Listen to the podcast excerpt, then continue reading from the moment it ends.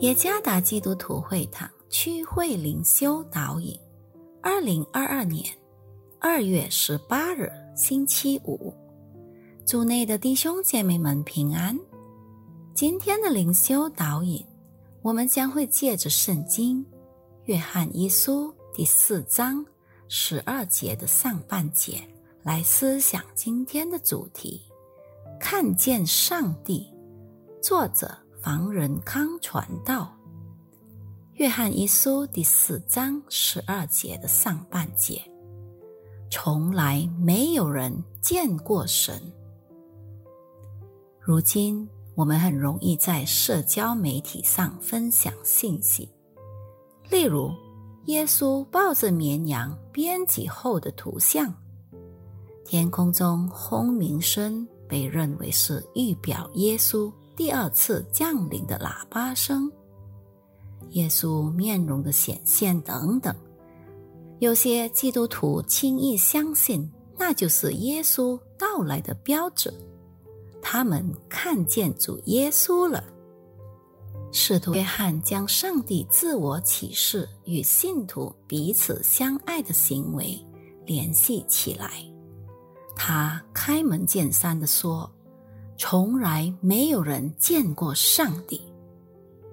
看见上帝在希腊语 t h e o m a 的意思是遇见和观看。这一节经文与约翰福音第一章十八节是平行经文。从来没有人看见上帝，只有在父怀里的独生子将他表明出来。这样的阐明和理解上帝的荣耀和圣洁的概念有关系。罪人看不见上帝，罪是彰显上帝荣耀的障碍。然而，这并不意味着上帝不能被认识或被知道他的存在。知圣洁的上帝的确无法从肉眼。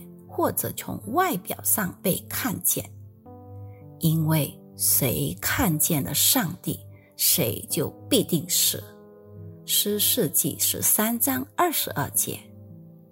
在这种情况之下，可以被理解为人与人之间的关系表现为爱和服务他人。爱上帝的也当爱弟兄。约翰一书第四章二十一节，爱上帝和他的工作，使人能以服务他人的形式来看见上帝。日益先进的科技发展时代，能蒙蔽和欺骗人类。人类试图借着他们的想象力和创作来体现上帝。他们就好像已经能够认识和看见上帝的存在与否。他们想通过他们的创造来证明上帝的真实形象。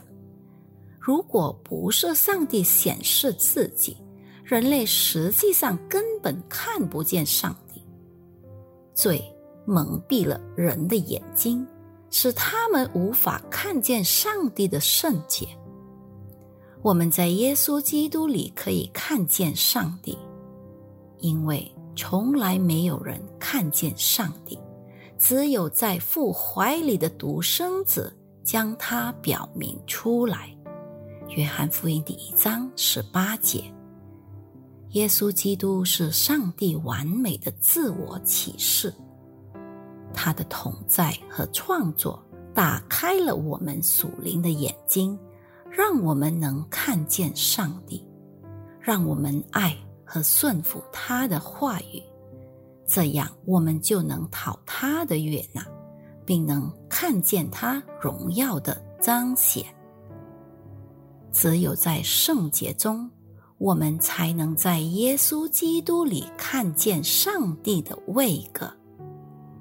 愿上帝赐福于大家。